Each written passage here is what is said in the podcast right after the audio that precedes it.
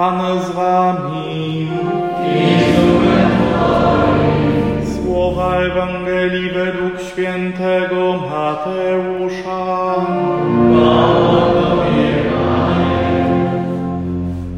Jezus powiedział do swoich apostołów, kto miłuje ojca lub matkę bardziej niż mnie, nie jest mnie godzien. I kto miłuje syna lub córkę bardziej niż mnie, nie jest mnie godzien. Kto nie bierze swego krzyża, idzie za mną, nie jest mnie godzien. Kto chce znaleźć swe życie, straci je, a kto straci swe życie z mego powodu, ten je znajdzie. Kto was przyjmuje, mnie przyjmuje, a kto mnie przyjmuje, przyjmuje tego, który mnie posłał. Kto przyjmuje proroka jako proroka, nagrodę proroka otrzyma. Kto przyjmuje sprawiedliwego jako sprawiedliwego, nagrodę sprawiedliwego otrzyma. Kto poda kubek świeżej wody do picia jednemu z tych najmniejszych, dlatego że jest uczniem, Zaprawdę powiadam wam, nie utraci swojej nagrody. Oto słowo Pańskie.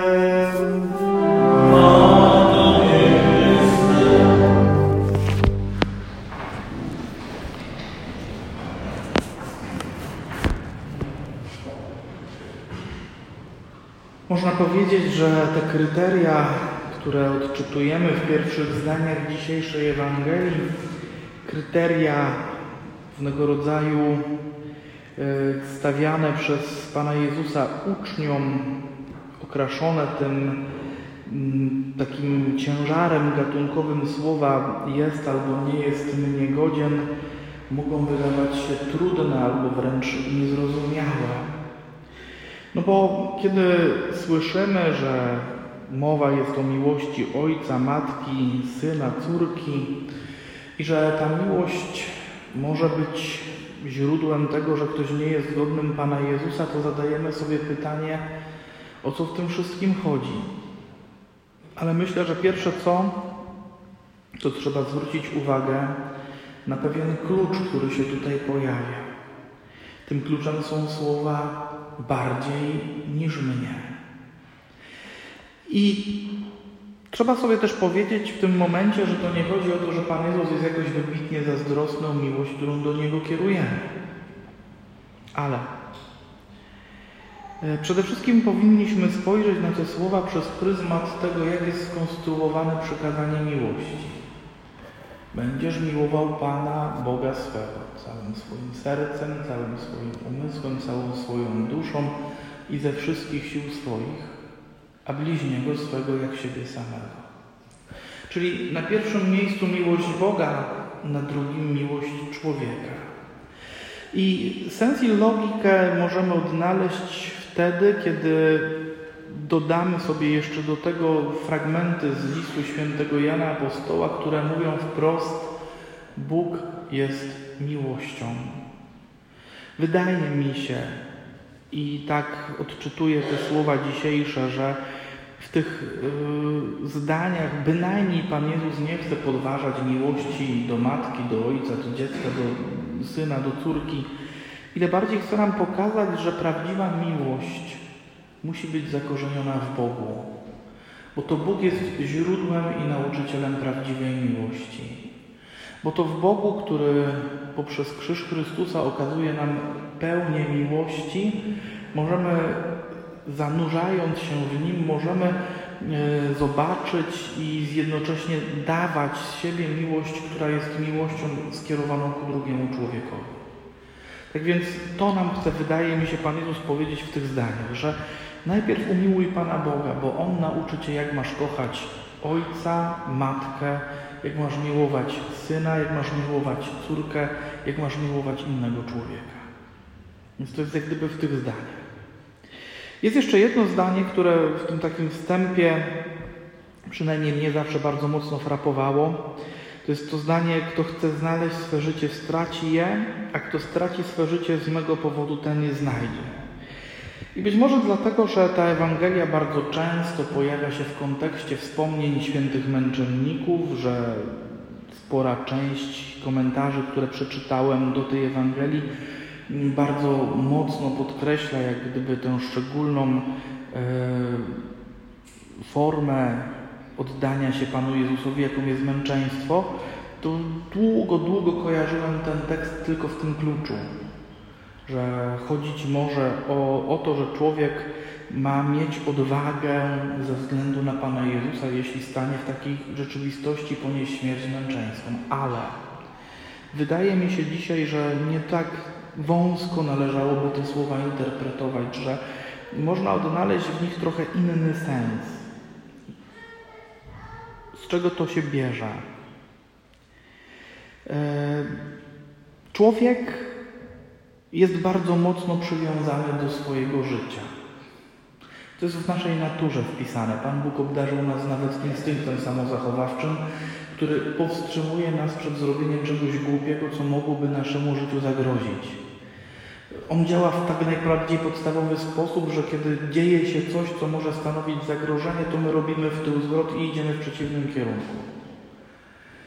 Ale to przywiązanie nasze do życia ma też swój wymiar na przykład w tym, że my lubimy mieć wszystko zaplanowane.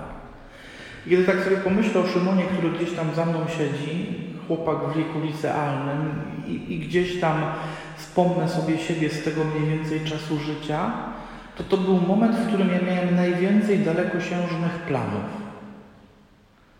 Ja wtedy miałem pewność, że ja chcę iść na akademię muzyczną, że ja chcę zostać kompozytorem, dyrygentem, że w ten sposób będę realizował swoją życiową karierę. Ja sobie wyobrażałem siebie stającego przed chórami, orkiestrami, e, prowadzącego koncerty i inne tego typu wydarzenia.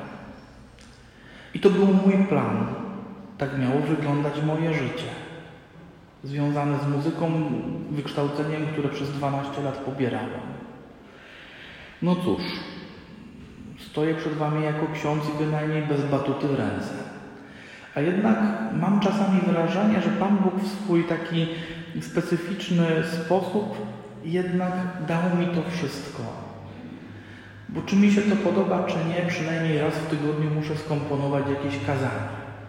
Śpiewać go nie muszę, no ale jednak. Jest to jakaś kompozycja bardziej ze słów niż z dźwięków, no ale jednak słowa się wypowiada. Co więcej, mogę powiedzieć, że kiedy siadam w konfesjonale, staję się tym dyrygentem na próbie, który musi wychwycić te fałszywe nuty, które gdzieś tam grają w czyjejś duszy i pokazać temu człowiekowi, słuchaj, to nie jest właściwy ton, to nie jest właściwa melodia. Muszę poprowadzić ten koncert w cudzysłowie w życiu tego człowieka.